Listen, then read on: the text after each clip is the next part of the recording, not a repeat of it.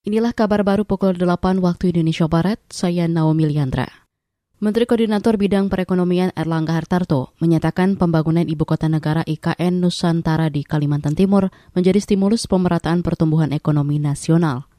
Kata dia, hal itu sesuai dengan amanat dalam Rencana Pembangunan Jangka Menengah Nasional RPJMN 2020-2024. Nah, oleh karena itu itu juga yang menjadi uh, pikiran pemerintah agar pusat pemerintah dipisahkan dari pusat ekonomi dan dengan demikian terjadi pemerataan. Kalau sekarang seluruhnya dibebankan kepada Jakarta. Nah, oleh karena itu uh, pemerintah uh, mendorong agar program ini akan berkesinambungan Menurut Erlangga, pembangunan IKN yang terintegrasi akan dikembangkan dalam enam klaster ekonomi strategis, resilient, dan inovatif, yakni meliputi klaster industri teknologi bersih farmasi terintegrasi industri pertanian, berkelanjutan ekowisata kimia, dan produk turunan kimia serta energi rendah karbon. Selain itu, terdapat juga dua klaster mendukung yaitu pendidikan abad ke-21 serta smart city dan pusat industri 4.0. Lebih lanjut, Erlangga berharap adanya kolaborasi dan partisipasi setiap pemangku kepentingan terkait di dalam menyukseskan pembangunan IKN. Lembaga Pemantau Independen Lapor COVID-19 menilai pendekatan yang dilakukan oleh pemerintah saat pelaksanaan vaksinasi COVID-19 booster berbeda dengan pada saat pelaksanaan vaksinasi dosis 1 dan 2.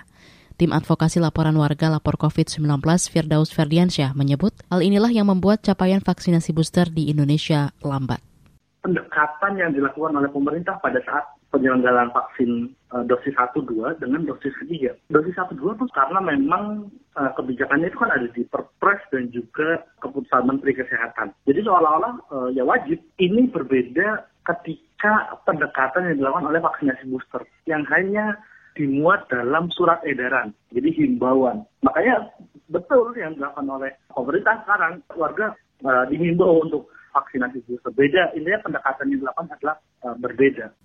Firdaus menambahkan narasi-narasi yang dibangun oleh pemerintah mengenai kasus yang mulai landai, narasi bersiap menuju endemi, ataupun kebijakan boleh melepas masker justru membuat banyak warga yang mungkin enggan melakukan vaksinasi booster.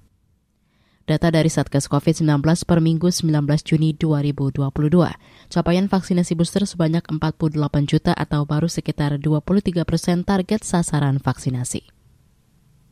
Menteri Pemuda dan Olahraga Zainuddin Amali mengatakan PSSI dan PT Liga Baru LIPB sedang menyelidiki peristiwa tewasnya dua supporter saat pertandingan Persib melawan Persebaya di Stadion Gelora Bandung, Lautan Api, Bandung pekan lalu.